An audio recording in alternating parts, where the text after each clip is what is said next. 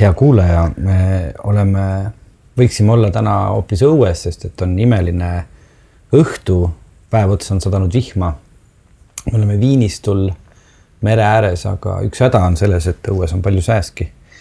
ja nii ma kutsusin meie saatekülalise hoopis oma voodisse see on esimene saade, mis me salvestame voodist ja saatekülaline just pani endale kreemi peale, et jääks mikrofonis kuulda väga siidisena.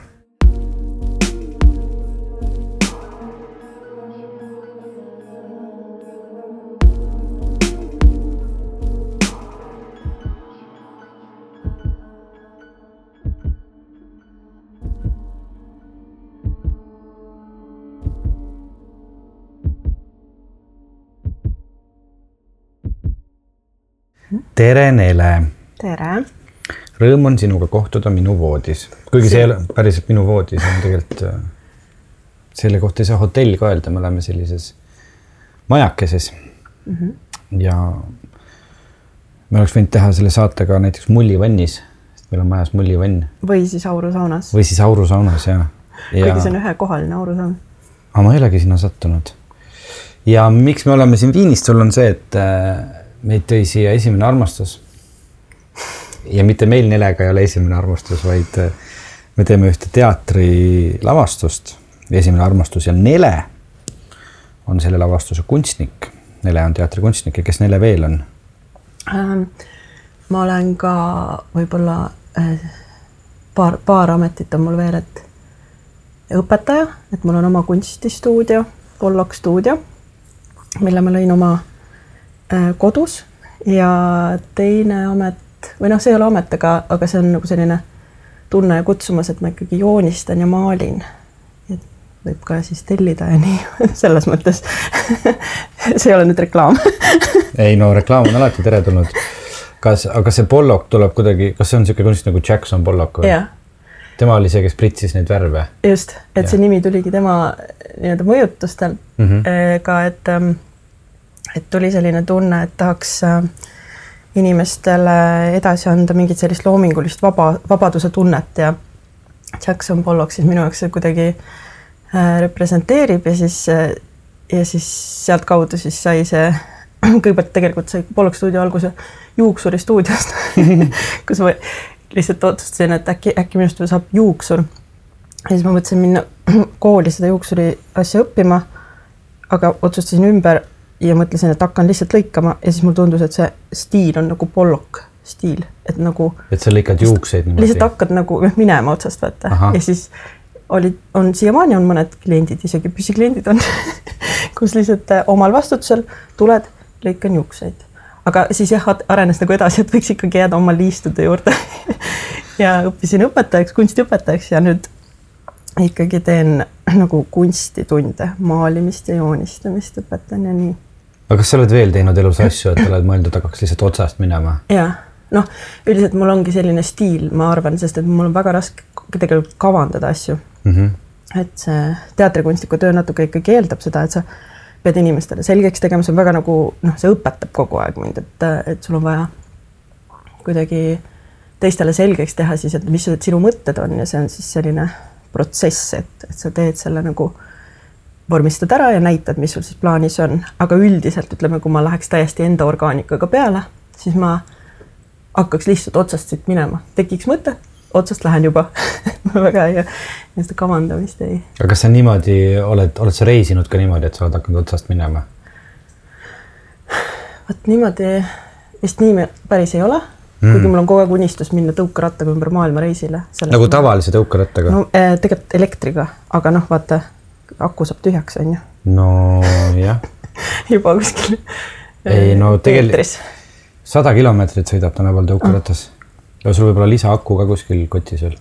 kuigi, aga sa tahad ju asju ka kaasa võtta siis, kui sa lähed tõukerattaga sõitma. ja seda küll, aga, aga ikkagi see minimal packing, prooviks seda yeah.. ja tegelikult ma ikkagi natuke juba ootan seda ajastut, kus me lähme niimoodi, et panna, pannakse õlgadest trakksidega droonid drooniga lähed nagu kümme meetrit niimoodi maast kõrgemal ja liigud ümber maailma. nagu Karlsson. jah, see on tegelikult mu nagu unistus või seda ma nagu ootan, et minu meelest need asjad ikkagi liiguvad üsna kiiresti siin maailmas, et. ja, kuigi ma ei noh, võib-olla meie, no võib-olla tõesti meie eluajal ka. ka siis sa oled natuke nagu Astrid Lindgren, tema, ma arvan, unistas ka, et ta saaks drooniga lennata mööda maailma ringi. jaa, see oleks äge. väga huvitav, aga tõukeratas või droon, aga miks mitte siis, sa sihuke mootorratta inimene ei ole? no paar aastat tagasi mul oli selline uitmõte ka muidugi onju mm -hmm. aga siis mu isa arvas, et ähm, et ma peaks siis oskama seda mootorratast parandada ka ah,, et see okay. tuleks kasuks. ja seda, sellest ma saan nagu aru ja mulle tundub kuidagi mootorratas ikkagi üsna ohtlik. mitte, et tõukeratas ei oleks, onju, aga noh, kuidagi tundub, et tõukerattaga lähed seal nelikümmend kilomeetrit tunnis ja et see tundub nagu mm. -hmm. Enne kui me teatrist räägime, siin äh, Nele on kaasa võtnud ühe roosa kera, tegelikult ei ole kera, ta on nagu koosneb sellisest kolmnurkadest. seda ma tahaks kohe kirjeldada, sest ta näeb nii ilus välja. ta on selline puidust, kui te kuulete, niimoodi klõbiseb. ja ta, mitu tahku sellel mm, on? seal on kakskümmend külge.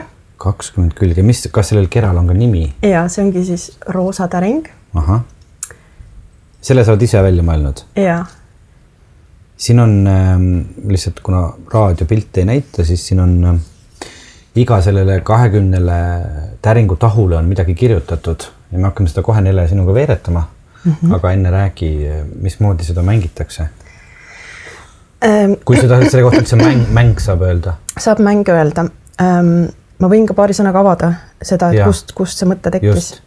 Et äh, kui ma õppisin kunstiõpetajaks magistris, siis meil oli selline ülesanne teha õppematerjal ja mul oli selline tunne, et mis meil koolis nagu üldse koolisüsteemis võib-olla puudu on, on selline nagu mm, võimalus abstraktselt mõelda või, või et ei ärgitata nii väga emotsioone väljendama, et ütleme, kõik ained nagu need tunnid on rohkem suunatud sellega, et süsteemi luua mm, -hmm. aga et aga et mis on see teistpidine suund, et see, et noh, kunstitunnis hea küll, me õpime noh, loovust, kellel on siis parem äh, nii-öelda kunstitund, kellel äh, kuidagi vähem loov. aga et see mäng siis oleks niisugune harjutus, et kuidas abstraktselt mõelda nii, et ähm, et seda nii-öelda nagu innustatakse kaasa, et ongi nagu erinevad äh, sensorid meil või noh, kuidas öelda, need äh, meeled, et kuidagi natuke seguneda ja kui sa kohe ei teagi vastust, et see on okei okay, ja see, mis on niisugune vaba assotsiatsioon, ehk siis emotsioonide tundmaõppimise mäng on see põhimõtteliselt. ja sellest edasi on noh, ma olen seda nüüd mänginud koolis äh, seitsmendate klassidega näiteks on täitsa väga tore olnud. Äh, aga samas seda võib mängida täiesti võhivõõrastega, saab kindlasti tuttavaks ja ka näiteks jõululauas vanematega või noh, täiesti sellised parima sõbraga, et sa ei ole elu sees niisuguseid küsimusi küsinud, et siin inimesed saavad nagu emotsionaalselt nagu tuttavamaks selle mängu abil. aga teeme mõlemad ühe vis, vis, viske. teeme. selle täringu peal, ma olen siis esimene julge, vaatame, mis mul see, ma ütlen saladuskatte all, et me oleme tegelikult siin, elame juba kolmandat nädalat näiteseltskonnaga siin Viinistul ühes majakeses ja me oleme siin paar õhtut seda niimoodi veeretanud ka vaikselt. ja mul on juba mõned asjad tulnud, nii et ma vaatan, mis mul täna tuleb. nii, looduse puudutus mm. -hmm minu teemaks on looduse puudutus. Mm.. ja no me olemegi mõnes mõttes praegu sellises looduse puudutuse kohas, minu jaoks vist ongi kõige rohkem looduse puudutust annavad äh, mulle need suvised äh, teatriprojektid, mida on võimalik teha. Mm.. hästi palju on need millegipärast olnud seotud merega, on kolm suve Naissaarel olnud ja nüüd me oleme siin. et, ähm, et see meri meri, meri on, on mingi koht, mis tõmbab mind ka Tallinnas aeg-ajalt enda juurde. et see suur vesi ja selle suure vee ääres elamine ja siin Viinistul siin sadamast paistab üsna natukese maa tagant Mohni saar. ja me just eelmine saade rääkisime ka saartest ja saarele minekutest ja, ja siis kuidagi see, see meri tundub selline looduslik objekt, kui sa seda ületad, et see võtab sult kõik äh, asjad ära, teeb sind kuidagi tühjaks ja puhtaks ja, ja kutsub aeg-ajalt enda peal äh, sõitma. et üks on kindlasti meri, aga ma, ma tahan, ma tahan siiski öelda kaks looduse puudutust, sest see Traba ka mm. -hmm. rabaga on samamoodi, et äh, ma satun sinna küll väga harva. aga ma olen ikka armunud rabasse, sellepärast et see on mingi selline teine koht, mis on ka nagu meri. selline suur äh, tundmatu, mille peal kõndides sa võid samamoodi tühjaks saada mm. -hmm. et vesi on sinu jaoks nagu selline mm -hmm. element, mis. ja ma tegelikult ei tea, kas sina tead nende Äh, sodiaagimärkide elemente või? kui ma olen kaksikud, siis mis mu element tegelikult on? kaksikud on minu teada maamärk. maa? ei, oota, õhu, õhu., oota. see drooniga karss on? Oot-oot-oot, nüüd ma olen küll segaduses, minu meelest emb-kumb, õhk vist ikkagi. ahah, õhk. ja õhus mulle meeldib ka olla ka jah, vesi, vesi, no nii, Nele. nii, ahah ah, ja aitäh. aitäh tuleb öelda. et see on Aha, iga viske ja iga confessioni lõpus. nii, mis sa said? ideaalne päev. ideaalne päev mm.. kusjuures see on huvitav, ma täna just mõtlesin selle peale mm. -hmm. et milline, et mis on see ideaalse päeva element minu jaoks või elemendid.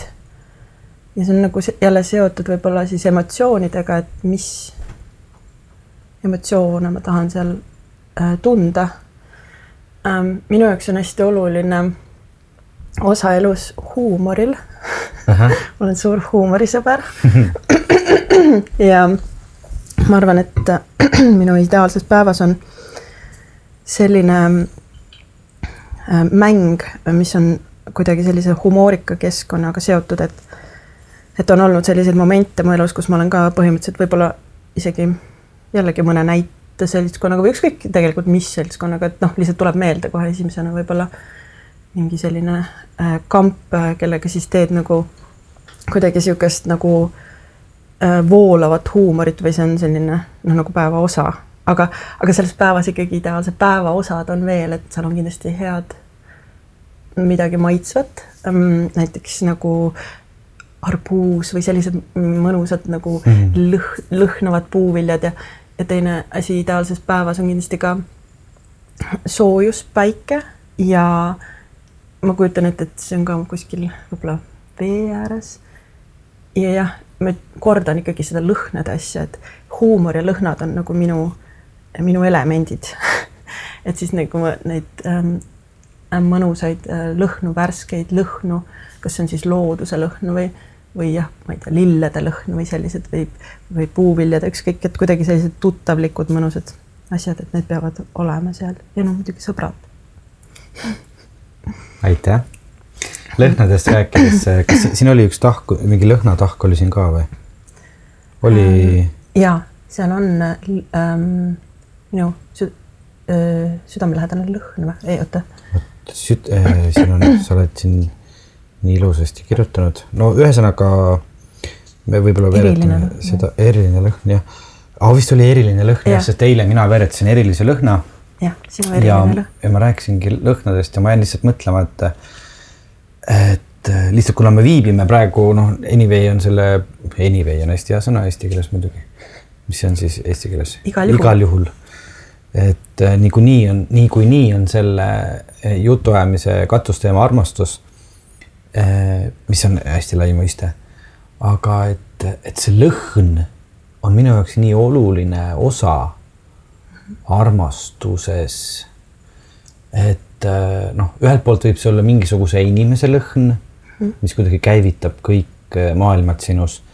või siis teisalt võib see olla mingisuguse koha lõhn või, või lapsepõlve lõhn, et eile, eile ka ju ma tulin ainult hästi korraks äh, alla, noh, me oleme siin praegu siin teisel korrusel ja eile tegin üleval siin tööd, veel mingeid muusikaasju ja all inimesed sädistasid, veeretasid täringut ja mina tulin, viskasin oma selle lõhna, rääkisin kiiresti lõhnast, aga teil tuli vist varem ka lõhnu mm. -hmm. et see on küll ja. mingi niisugune asi, mis inimesi käivitab. on küll tõesti, paistis, et, et vähemalt kolm inimest sellest, sellest väiksest seltskonnast äh, kõnetas just hakati iseenesest rääkima, et mingid lõhnad. Mis, milline võiks olla armastuse lõhn no täna mm, -hmm. tänasel päeval? minule tundub, et mul kohe esimesena tuli päikeselõhn, aga ma arvan, et. aga kuidas see lõhn on? ma tean, kuidas on päikesekreemi lõhn mm,. minu jaoks võib-olla pigem nagu nahalõhn päikeses, mis Aha. on kõp küpsenud ja selline liivalõhn ja kõrkjate lõhn või see on nagu täna mulle tundub. Või siis lihtsalt seesama ähm,, seesama lõhn, kui kõndida mingil siinsamas, ma vaatan aknast välja, siinsamas maja ees on selline nagu metsavaheline, majadevaheline rada mm. -hmm. ja ma juba tunnen, kuidas vot seal võib olla täiesti nende, mis need on, kes need sadistavad, need on need äh, ritsikad. aa ah, jah, siristavad. vot nende vaheline lõhn ritsikate vaheline lõhn on armastuse lõhn. just sest lõhnad võivad ka ju seda kõike kuidagi eemale ajada, sest et ma ütlen siin selles toas on mingi imelik lõhn, mis mind on kogu aeg häirinud. ma ei oska öelda, see on nagu sihuke äh, sokilõhn natukene või mingi sihuke mm -hmm. nagu siin on mingi vana vaip on maas ja mul on tunne, et siin on nii palju inimesed sokkides käinud, et see. aga sul oli väga huvitav lõhn eile, mis sa ütlesid? ma ütlesin äh, antiikne lõhn, mis millest ma olen tegelikult kunagi ka, ma olen pannud selle emotsiooni kirja mm. -hmm see on, noh, ta ei ole tegelikult antiikne lõhn, ma nimetan seda lõhna antiikseks lõhnaks, see on lõhn nagu lõhnavad need vanad eestiaegsed vanaemade kummutid ja kapid mm, -hmm. kus on hoitud siis mida iganes, nõudest kuni maitsetaimedeni ja seal on mingi selline lõhnade kombo ja see puidulõhn ja see vana ajalõhn, et see kõik moodustab kuidagi mingi niisuguse hetke ja ma mäletan, ma mäletan ise ühte hetke, kui ma olin kunagi Sõpruse kinos. mingisugune aastaid tagasi õhtusel ajal, seal oli võib-olla üks kümme inimest filmi vaatamas, see oli mingi, mingi film, mis tõenäoliselt oli jälle kuidagi armastusega seotud, mingi armastusteema ja kuidas siis kõik nagu kuidagi nagu jooksis kokku ja seal oli mingi selline vanaaegne antiikne lõhn ja ma korraga tundsin, et äh, kõik tšakrad läksid lahti ja kõik selline emotsioon ma just olen üleüldse kõige rohkem tulnud Sõpruse kinost välja niimoodi, et mul pisarad voolavad. sest et eh, noh, seal on mingid siuksed Euroopa filmid, mida satud vaatama ja siis kuidagi astud sealt kinost välja ja eriti äge on veel see, kui see antiikne lõhn on läbi saanud, see film on läbi saanud, sa astud õue ja seal sajab vihma ja seal on vihmalõhn. Need on minu meelest on need, minu jaoks on armastuse lõhn võib-olla just nagu vihmalõhn, selline igatsuse lõhn. väga-väga kõnetab mind ka see kujund mm, -hmm. kui sa võin lisada. lisa. et siis ähm, mul on üks ka väga eriline lõhn enda jaoks äh, tegelikult mm, mis, mis mul kuidagi, ma ei tea, ta tekitab mingit väga-väga mõnusat tunnet, võib-olla seesama tunne nagu sul on antiikse äh, lõhnaga. on äh,, ma ei tea, kui, kui te olete käinud äh, näiteks äh, mõnel lõunamaal, noh nagu näiteks Hispaania või, või Kreeka või noh, mina olen just sealt neid kogemusi saanud, kus äh, inimesed panevad oma pesu õue kuivama nagu mm -hmm. rõdule või tegelikult lihtsalt nööride peale nagu aknast välja või nii. Ja siis, kui sa jalutad sealt, päike kuidagi tekitab eriti, ma ei tea, kuidagi konserveerib selle lõhna või midagi sellist ja siis võimendab seda ja siis võib-olla nad kasutavad ka hästi palju äh, pesuloputusvahendit või midagi sellist, igal juhul see lõhn, et elasin Kreekas aastakese ja siis seal jalutades nende majade vahelt, siis lõi selline päikeselõõsas selline pahvakas, sellist lenori lõhna, see on minu jaoks nagu täiesti selline minu eriline lõhn nagu. ja äh, ma millegipärast arvan, et väga paljudel on see lenori lõhn selline eriline lõhn, sest et see millegipärast seostub puhaste riietega ja kuidagi sellise puhtusega mm. -hmm. ja, ja tihti on ka see, et kui sa lähed äh, ma ei tea, külla või armsama juurde, et siis sa paned ka nagu puhtad riided selga ja mm, -hmm, ja siis tuleb selline ja just see õues kuivanud pesulõhn ka veel mm. -hmm. seal on äh, ju need muud lõhnad äh, ka juures.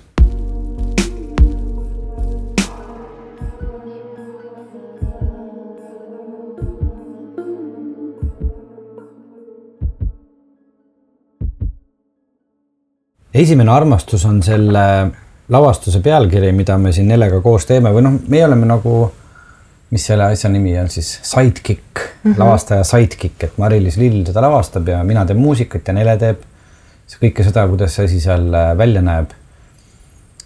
mis äh, tundeid see näitemäng sinus tekitas, see on ju päris inimeste päris lugude põhjal kokku kirjutatud asi, me oleme seda nüüd siin vaadanud. Kord ja kord ja nüüd just Äh, tund aega tagasi lõpetasime järjekordselt selle vaatamise mm. -hmm. ta võiks ju mõnes mõttes olla niisugune Eesti inimese armastuse loo, noh, ma ei tahaks öelda sõna kvintessents, ma tahaks öelda, et sealt on mingid fragmendid, mis niikuinii igaühe jaoks räägivad oma lugu mm. -hmm. aga mis lugu see sinu jaoks, see lavastus räägib? kuna äh, siin on vist peamine rõhk, ma ütleks, et just sellel, et me näeme seda võrdlust, et äh, kuidas oli sõja ajal kurameerimine, kuidas mm -hmm. see mhm. käis ja mis toimub tänapäeval.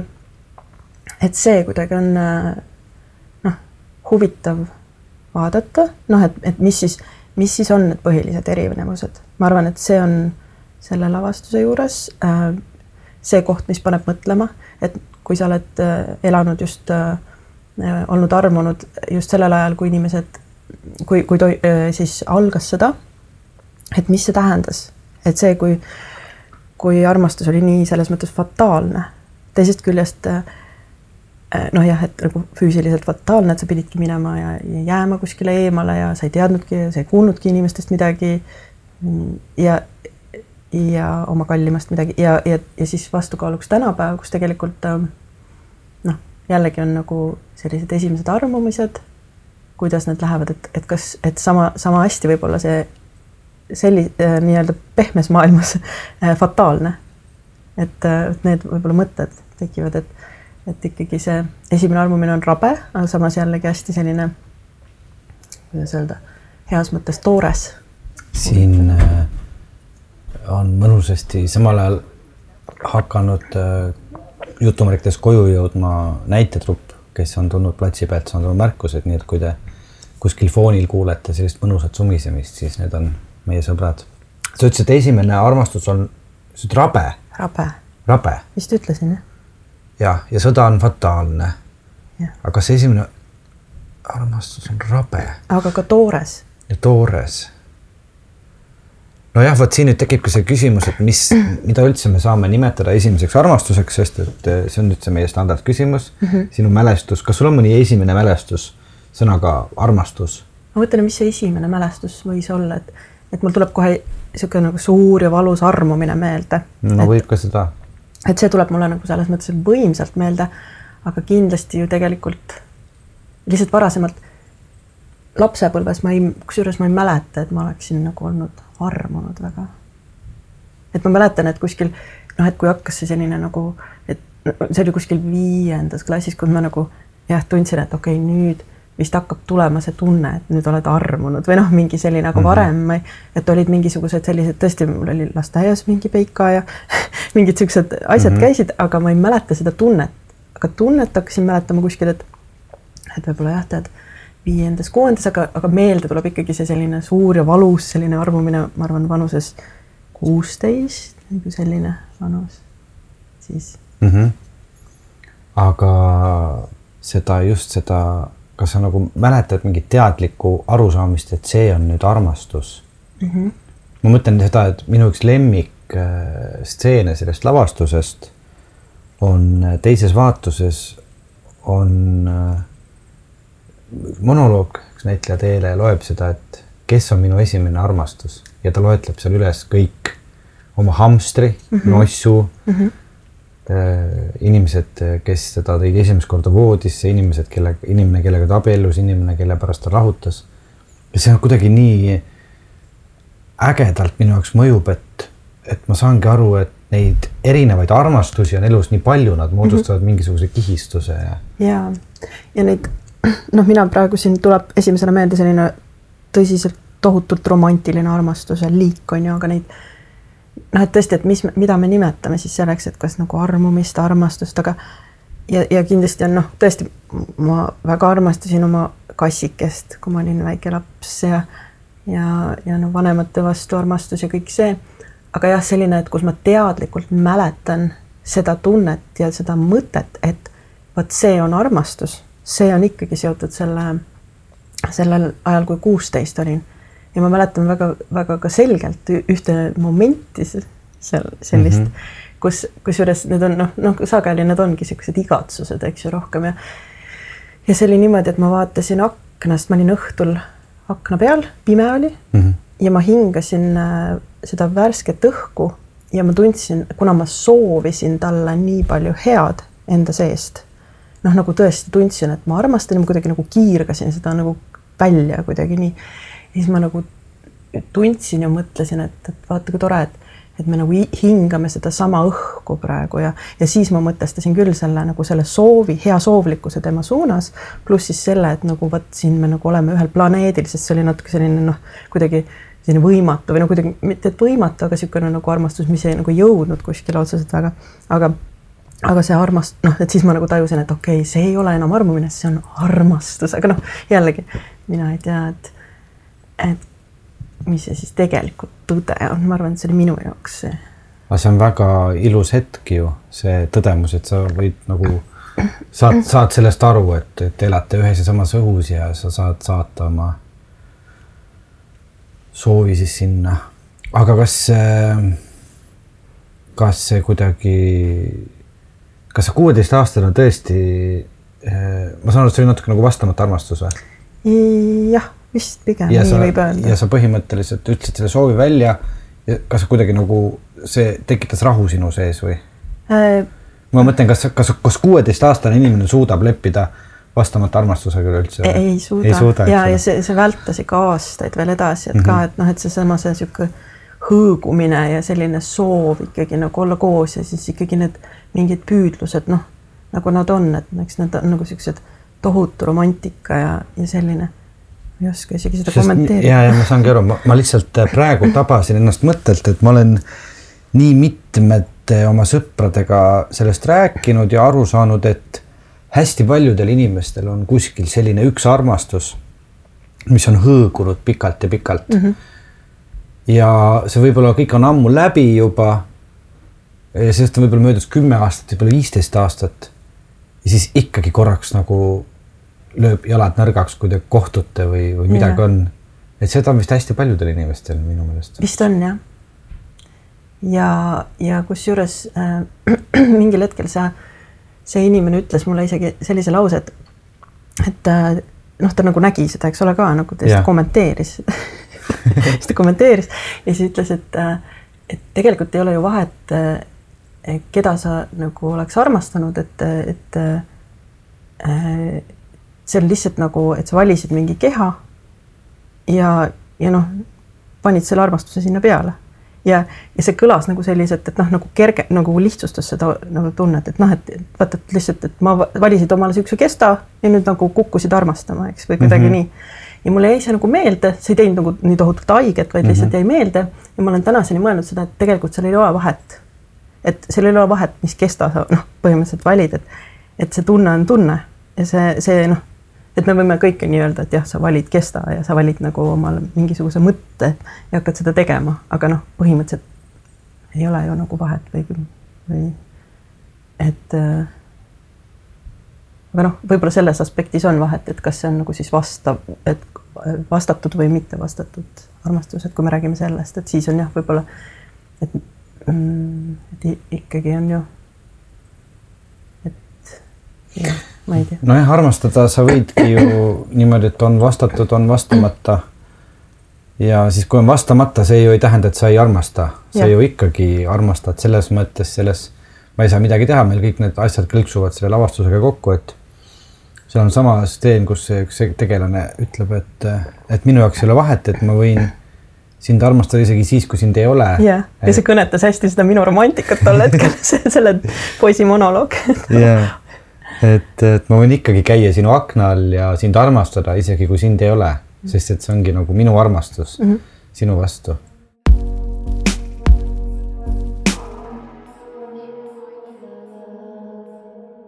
Need armastused on ju ka nii erinevad, et eh, seda mm, me siin jälle oleme siin pead-jalad koos olnud ja üks öö Nele seal all köögilaua ääres rääkis erinevatest armastuse keeltest mm, -hmm. mis tekitas minus kohe nii palju huvi, ma natuke osalesin vestluses ka, aga, aga Nele on täna ühe raamatu kaasa võtnud, ma ei tea, kas sa oled selle ise, sa oled selle läbi lugenud? ma nüüd lugesin hästi kiiresti selle läbi, et nagu olla natuke nagu süsteemsemalt äh, avaldada neid oma mõtteid, kuigi siin ei ole mitte midagi uut, mida. ei no ei olegi uut, aga see on mingi asi lihtsalt, ma arvan, mis mis pani mind sellel hetkel mõtlema ja. ja ma ei olnud varem niimoodi selle peale mõelnud, et selles mõttes on huvitav, et no räägime sellest, mis need viis armastuse keelt on siis mm? -hmm.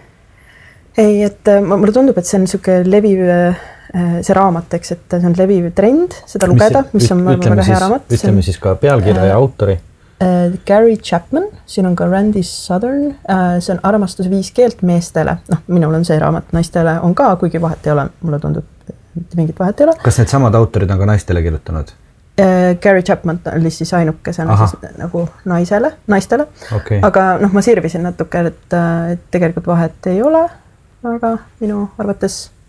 et noh, siin on ikkagi selgitatud lahti need viis keelt no ma arvan, et nad tegid selle meestele lihtsalt sellepärast, et mehed ka ostaks seda raamatut. ja siin on hästi palju neid pesapalli ja mingeid mingeid siukseid viiteid. kuidas sa meestele ikka armastusest räägid läbi pesapalli just, Ameerikagi. Aga okay. jah, millegipärast ma olen nagu kuidagi selle kontseptsiooniga tuttav juba aastaid ja ma ei tea, mis aastal see raamat on kirjutatud, aga põhimõtteliselt juba kuidagi oli kaks tuhat kaheksateist, noh, ma ei tea. kaks tuhat kaheksateist on ta ehk välja antud Eestis või? jaa, aga need keeled, neist ma olen kuulnud juba mõnda aega tagasi. kaks tuhat viisteist on see Ameerikas ah. kirjutatud. Nonii. no võib-olla meestele keeled, nii.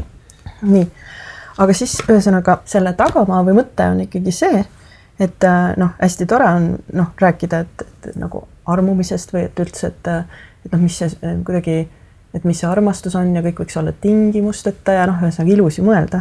aga tegelikult, kui ikkagi tahta nagu paarisuhet arendada mm -hmm. või mhm. aretada, siis, siis on oluline rääkida teise inimese keeles. et me teame ju seda vanasõna või ütlust, et äh, tee teisele seda, mida sa tahad, et äh, sinule tehakse. jah no mina arendaks seda ikkagi edasi ja ütleks, et tee teisele seda, mida tema tahab, et talle tehakse. et, et see on nagu oluline tegelikult, et kui me tahame noh, üldsegi kedagi nagu oma ellu kaasata siis tegelikult võiks ju ähm, noh, mina olen aru saanud niimoodi, et armastuse sisu on see, et äh, võtta inimest osakesena iseendast. Teist inimest siis? just, et see, kellega sa siis äh, kellest sa siis armud või armastad või ja kui teil on siis nii-öelda see konsensus selles osas on ju et siis, äh, siis toimub teatav otsus äh, ja, ja ka selles mõttes tunnetuslik liikumine sinna suunas, et võtame siis teineteist osakesena iseendast, ehk siis kui mina teeksin sulle haiget, siis mina saaks ka haiget. see on see mõte.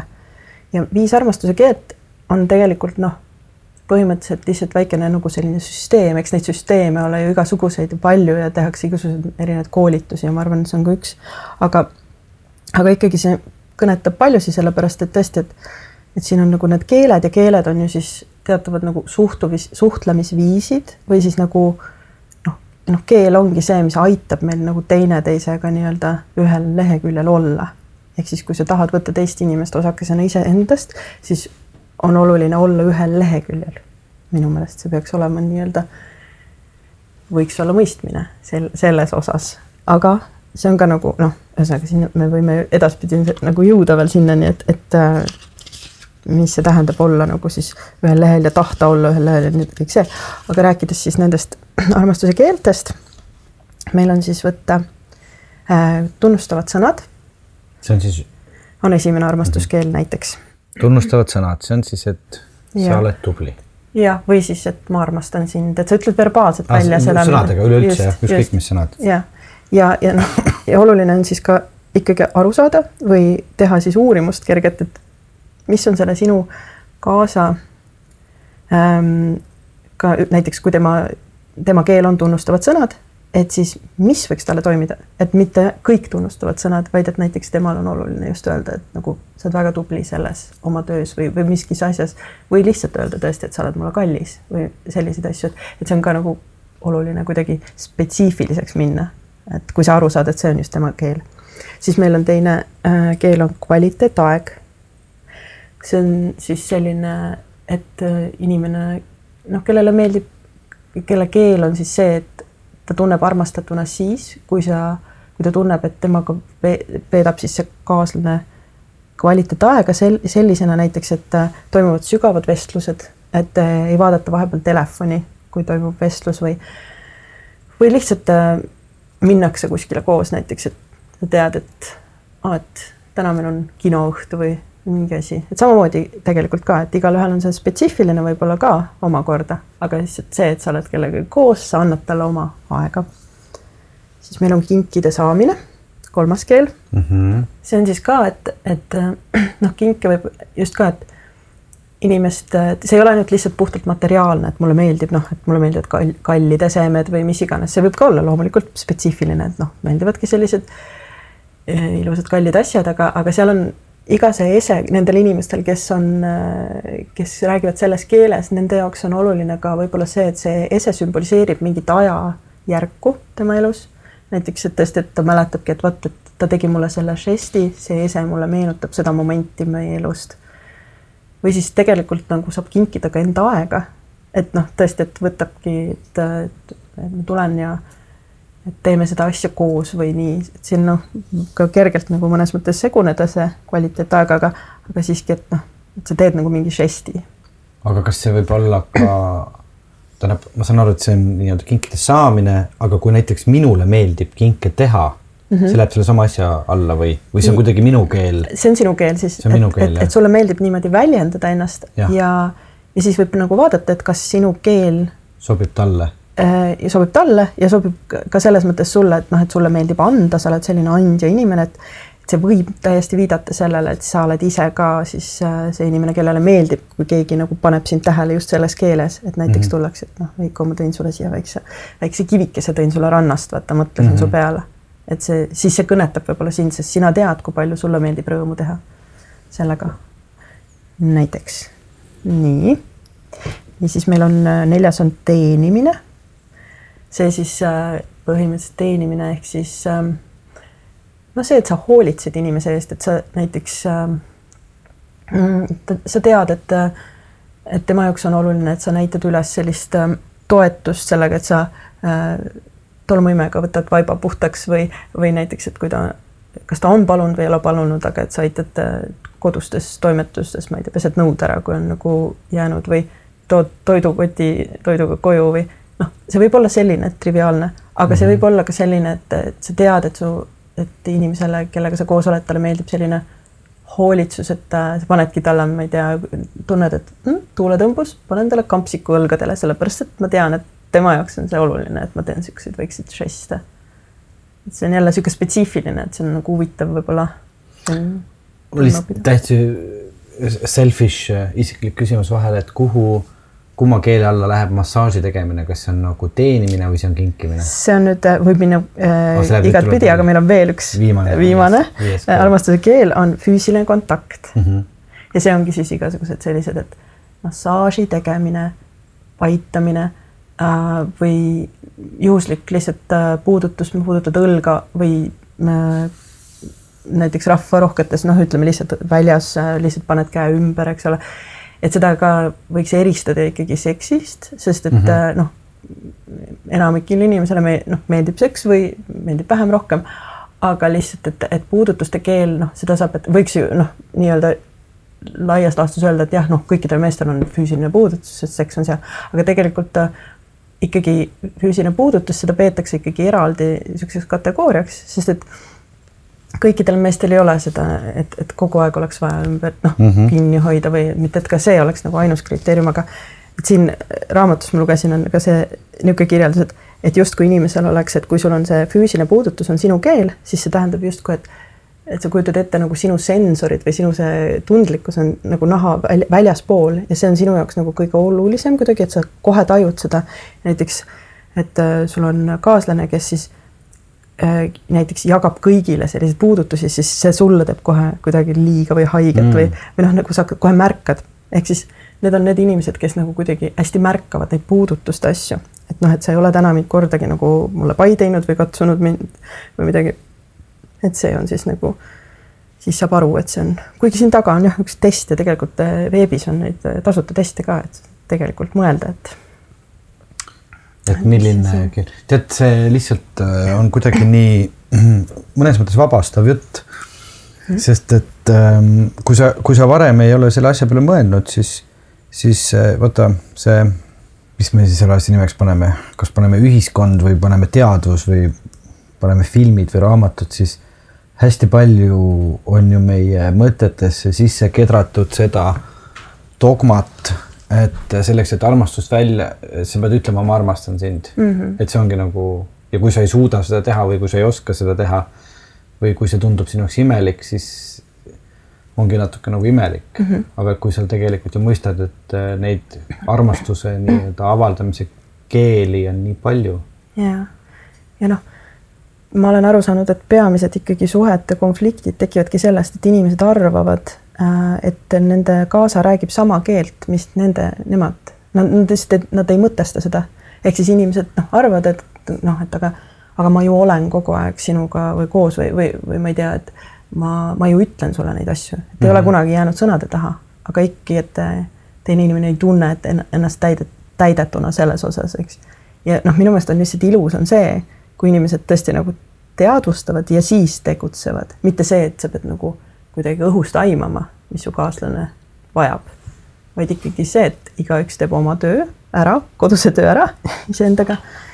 et see on nagu minu meelest ilus, kui võetakse arvesse. Aga kuidas see töö siis käib, kas see on niimoodi, et ma pean olema nagu sihuke spioon Sherlock Holmes, et ma nagu jälgin oma kaaslast ja siis katsetan või on, või on ka see, et me saame selle omavahel läbi rääkida? see on kindlasti läbiräägitav, et kui juba üks kaaslastest on noh, mingilgi määral vot kuulnud sellisest asjast, et et siis kindlasti tasub nagu läbi mõelda need asjad, et, et mis siis on see minu jaoks, mida mina vajan ja siis, et kui, kui siis on mingeid konflikte, et meil ju meil ju kõigil ei saa öelda, et on ainult üks keel, et meil on kõikidel nagu natuke igast ühest. Äh, aga lihtsalt jah, et mis on see domineeriv keel. ja, ja seda kindlasti nagu saab arutada ja just rääkida ja ongi see, et äh, küsida.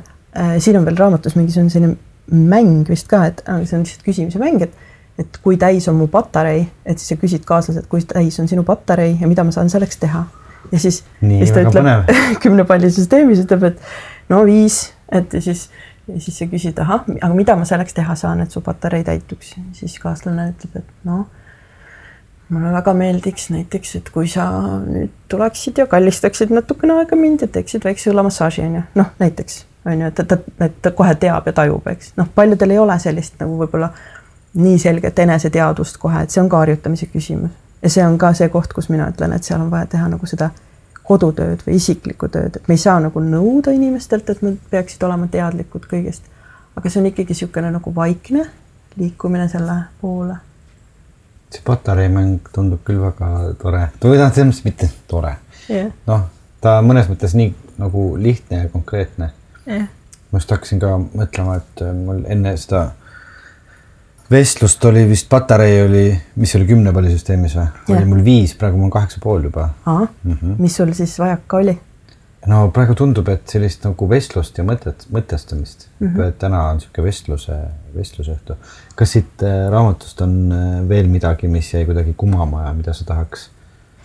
Mm, ja ma ütleks, et mis on minu jaoks äh, kuidagi kõige olulisem sõnum on seesama, mm, see on natuke seotud, ma käisin paar aastat tagasi Austraalias ja sõbranna, kes on, äh, oli, oli huvitatud ühest äh, noh, et on erinevad need coach'id ja sellised, kuidas öelda, nagu mingi edu coach'id ja äh, kes, kes räägivadki erinevaid noh, teooriaid, vaat et kuidas inimesi seal kuidas, kuidas see oli selline success koolitus ehk siis kuidas olla edukas või nii on ju. Ja mõtlesin, et lähen kaasa, et kuulan ja et äkki panen midagi kõrva taha. Ja seal oli ka, et räägiti erinevatest inimeste mm, tüüpidest ja et just seesama põhimõte, et, et mitte see, et mida sa tahad, et, et sinul tehakse, vaid just, et kuidas sa saad anda või ehk siis, et kuidas sa tuvastad ära, mis on teise inimese vajadused ja mis on tema, teiste inimeste drive.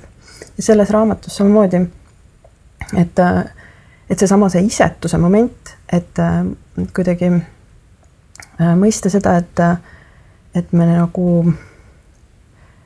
võiksime kuidagi teadvustada endale seda andmise printsiipi, et, et me ei ela kogu aeg majanduslikus mõttes, et me ei ela kogu aeg justkui võlas.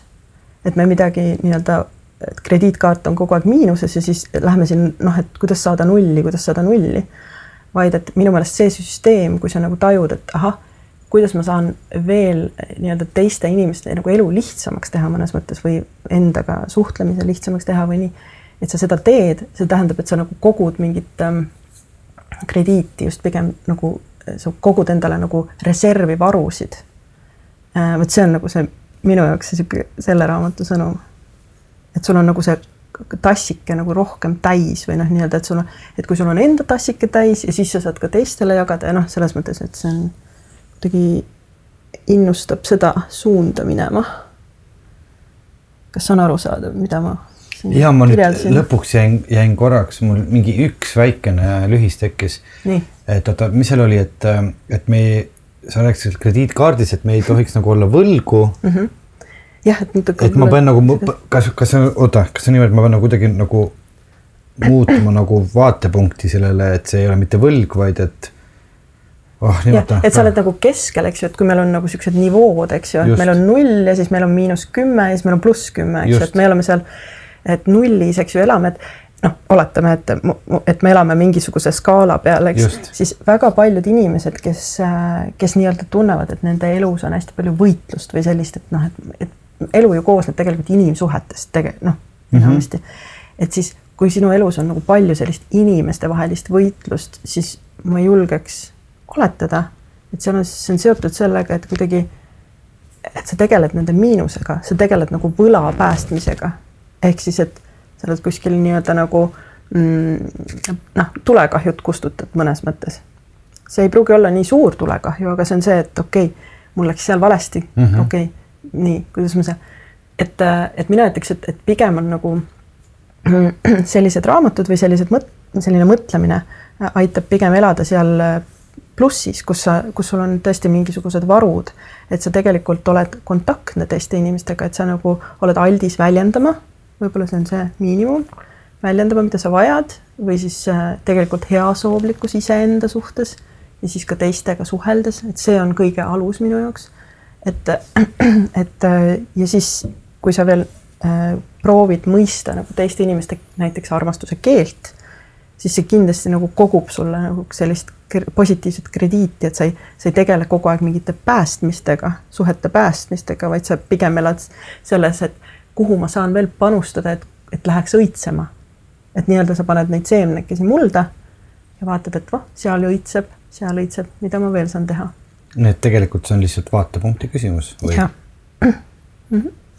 ja siis ma sain sinust küll aru ja ma olen, ma olen sinuga nõus ka mm. -hmm. tore. tore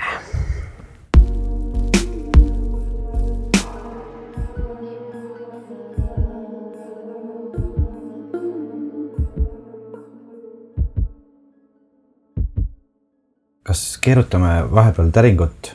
kas seda täringut saab kuskilt endale ka? ja seda saabki niimoodi, et äh, minule kirjutada. siis otsida Facebookis Pollok stuudio üles või? Äh, tegelikult võib lihtsalt otse nelesoovali at gmail.com kirjutada ja lihtsalt äh, paluda, et kas mina saaksin ka ühe roosa täringu. ja. sest et see on väga tore täring. ja ma teen selle, seda ise käsitööna sinu jõuallikas tuli ja. minul sellest Nele käsitöö täringust. sinu jõuallikas.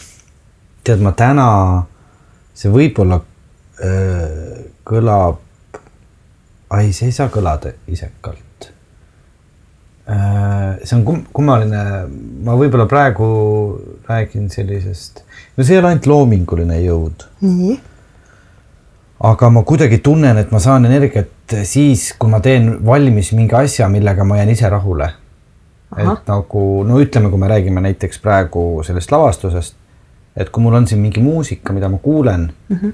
ja mulle endale meeldib see mm, -hmm. vot siis see annab mulle kuidagi jõudu yeah.. või et ma näen, et mina olen ise teinud valmis ükskõik siis mis asja, noh. ja see, ma näen seda ja see meeldib mulle mm -hmm. ja see annab mulle jõudu. kuigi noh, ma samas nüüd ei oskagi öelda, et kas ma ise olen adekvaatne hindaja, aga ma vist ei peagi olema, kui ma see mulle annab jõudu. ma mõtlen, et kas sa ise tunned, et võib-olla see kui palju sa sellesse oled panustanud või et võib-olla see juba määrab selle, et kui noh, nii-öelda, et mitte, et kui palju nii-öelda koguse mõttes, vaid et see, et sa jääd iseenda panusega enda mm -hmm. töösse rahule. just, et, et see... ma ei ole teinud ühtegi allahindlust, vaid ja. et ma olen andnud enda sada protsenti ja ma ei ole läinud lati alt läbi ja ma yeah. noh, olengi ja see annab kuidagi jõudu. vot selline mõte oli. väga ilus mõte, see on nagu kuidagi väga terve suhe iseenda ja enda loomingusse, ma ütleksin. aitäh, Veiko no veereta sina ka Ahah. siis oh,. sinu vabaduse muusika. mm.. minu vabaduse muusika ja mm, minu vabaduse muusika on seotud jälle kuidagi ööga. Meil ongi siin praegu öö. ja, ja näiteks äh, mulle, minule väga meeldib, kui muusikas on hästi palju kaja ja, ja ähm, ja pausi. et ma ei oskagi võib-olla nii konkreetselt äh, tuua näiteid, no eks neid näiteid võib tuua ka, aga tegelikult võib-olla mõnusam on, on tuua seda just näidet, et, et, et mulle meeldib jah, kui, kui ma näiteks õhtul sõidan autoga kuskil ja, ja minu ja see muusika, mida ma kuulan kuidagi, et esiteks tal on ruumi, et ruum muusikas on minu jaoks nagu vabaduse muusika. ja ruum tekib nagu mingit tüüpi kajaga, kajast ja mingit tüüpi rütmidest, mis tekitavad mu sees tunde, et seal on palju pausi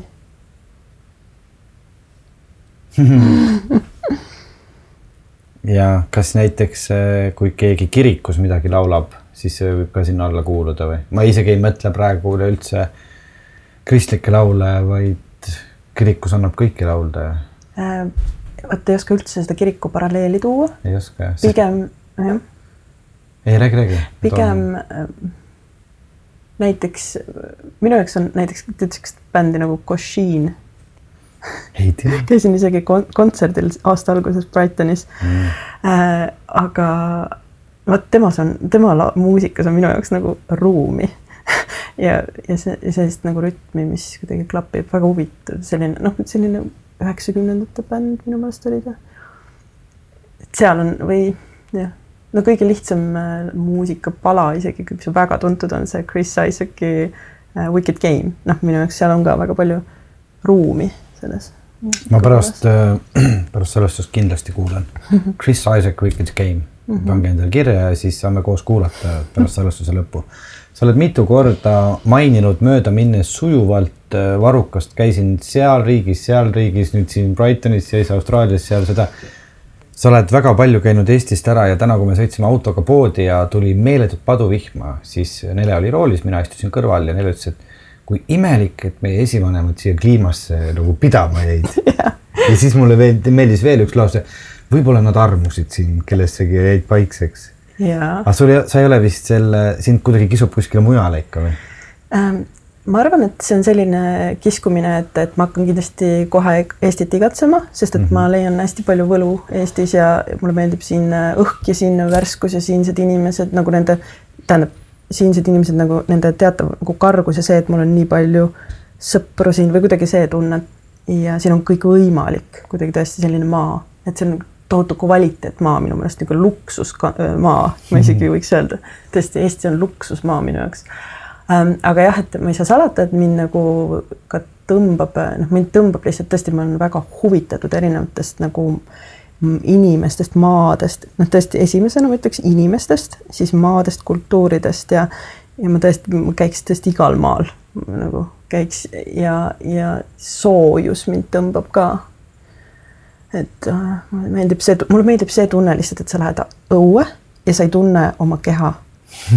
et küsimus ei ole selles, et mul oleks vaja kolmkümmend kraadi, mul on vaja lihtsalt seda tunnet, et ma ei tunne oma keha, et mul lihtsalt hing liigub mööda maad ja nagu Kreekas on see sageli see tunne, et kui see hommikul isegi, kui ma seal elasin, siis mul oli veebruarikuus, ma mäletan, astusin rõdule, ma olin öösärgis mm -hmm. ja ma tundsin, et kõik on okei okay., et mm -hmm. äh, ei olnud nagu tohutu külm, siis on küll natuke külm, aga siis juba mingit noh, ütleme suvekuude poole, kui sa seal mingit teatava kellaajal astud, siis tunned lihtsalt, et saab lihtsalt nagu korraks mitte mõelda oma kehale, nagu korraks lõdvestuda sellest, et sul on mingi ma ei tea, liiga külm on, liiga palav, liiga nagu pole niisugust nagu teemat, räägime muust mõtleme muust et seda nagu lõdvestust tahan vahel.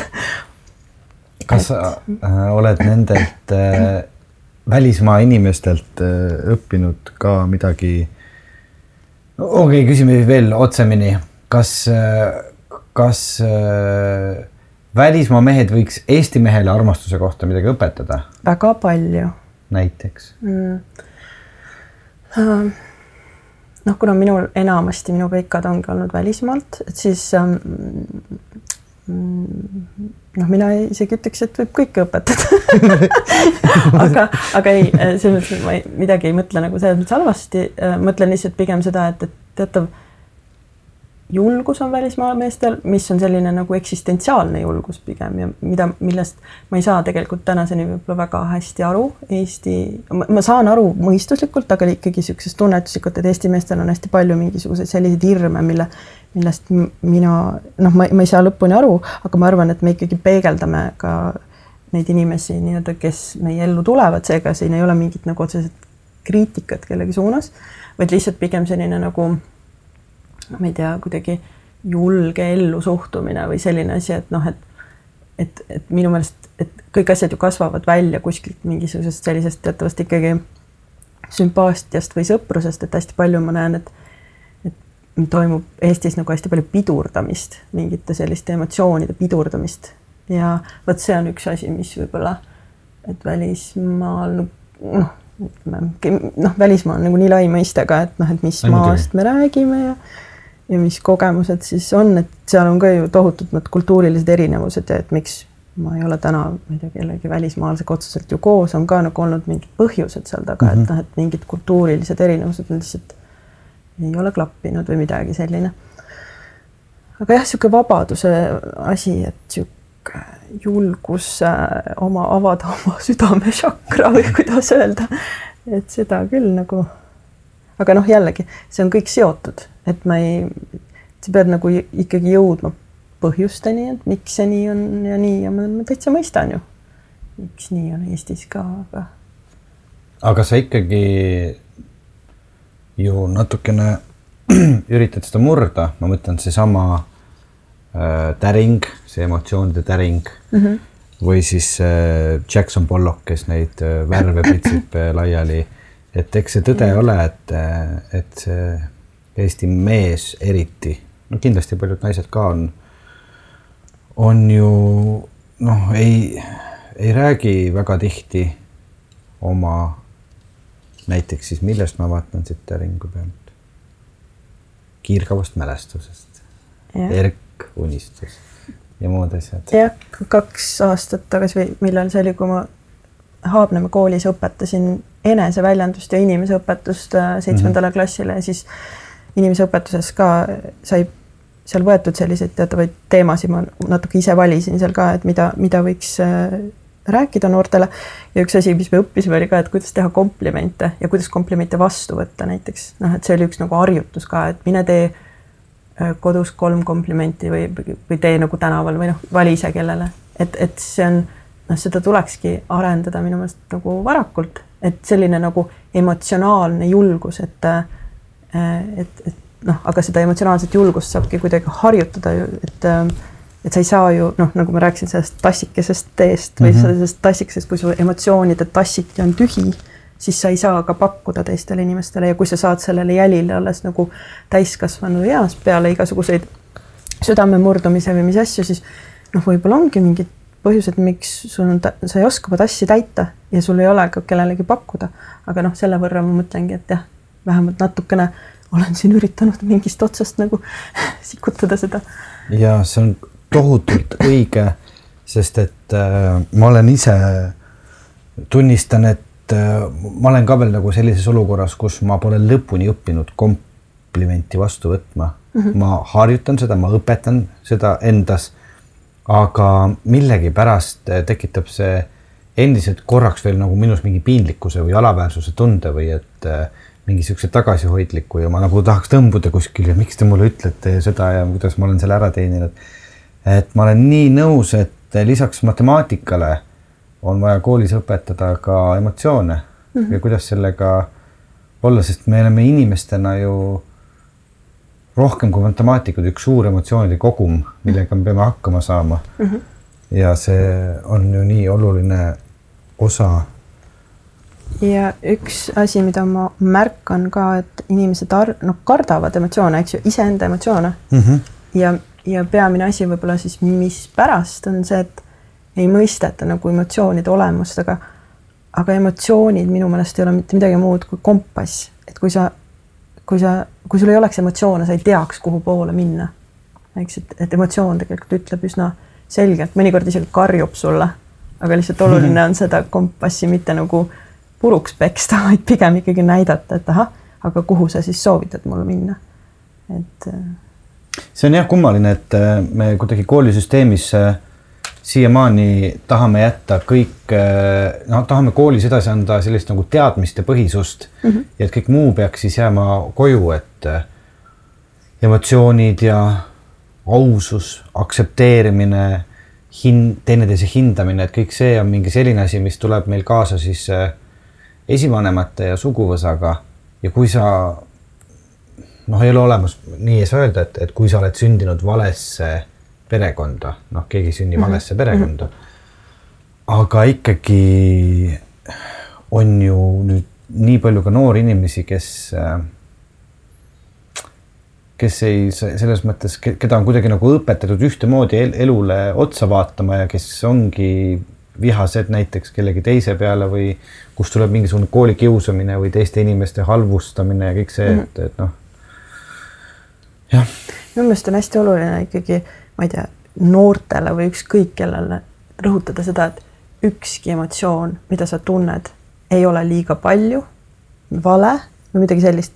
kõik, mida sa tunned või läbi elad või mida su emotsioon sulle ütleb, see on äh, sinu emotsioon, et äh, et noh, paljud vaata kipuvad ütlema, et ma, ma, ma tunnen liiga palju või, või ma tunnen äh, kuidagi et justkui peetakse enda tundeid või emotsioone valedeks ja siis hakatakse neid nagu kuidagi äh, kärpima või kuidagi alla suruma. vot see on nagu minu meelest see, mis tekitab neid ähm, selliseid blokke ja pa paisu taga siukseid nagu valu, plokid tekitavad valu, et mida rohkem sa nagu äh, usud ja austad seda või nii-öelda lased läbi ennast elada erinevatel äh, tunne, tunnetel, siis see on nagu usaldus jah. et ka see on huvitav tunne tead, mis on äh, ootamatult juhtunud või? Mm, ootamatult on meie saateaeg täis saanud ja hakkab kesköö saabuma mm. -hmm. kas sa tahad enne, kui me lõpus täringut veeretame veel, kas sa tulid mingi mõttega siia, mis sul jäi praegu südamele? Siis ma mõtlesin, et noh, kindlasti Veikoga räägin sellest ka. vist olengi täitsa saanudki öelda neid asju, mis ja. on kes tahab, äh, võib, võib kirjutada mulle, kui on mingi küsimus ei, tegelikult see ei ole vist õige. mitte küsimus või noh, küsimus, aga võib ka, kui on tunne, jah, et emotsioonist tahaks äh, rääkida ja. või, või, või joonistada emotsiooni. või joonistada emotsiooni. siis võib mulle kirjutada. et äh, ja, ja teisalt võite tulla ka veel augustis Viinis tule seda lavastust vaatama esimesest armastusest. nagu teatritööst, Nele teatritööst ei jõudnudki nüüd väga rääkida, aga eks seda saab siis vaadata mm -hmm. lava pealt ja, ja kõigile, kes tahaksid saada seda, koos ta nimi oligi emotsioonide täring või? see on roosatäring, emotsioonide tundmaõppimise mäng. vot siis Nele soovvalijad gmail.com kirjutage. Ja mina ütlen küll suur aitäh, et neile sa sellisel mõnusal õdusal öisel suve ajal siin minuga rääkisid, meie jääme Nelega täringut mängima. ja, aga tegelikult ei, las teate, me teeme hoopis niimoodi, et nüüd on äh, meie saade läbi, aga Ähm, meie Patreoni toetajad kuulevad, kuidas me täringut edasi mängime. me veeretame Lelega veel väiksed täringud, nii et minge Patreonisse. aitäh, Nele, sulle. aitäh, Veiko, kutsumast. ja kuuleme varsti. thank you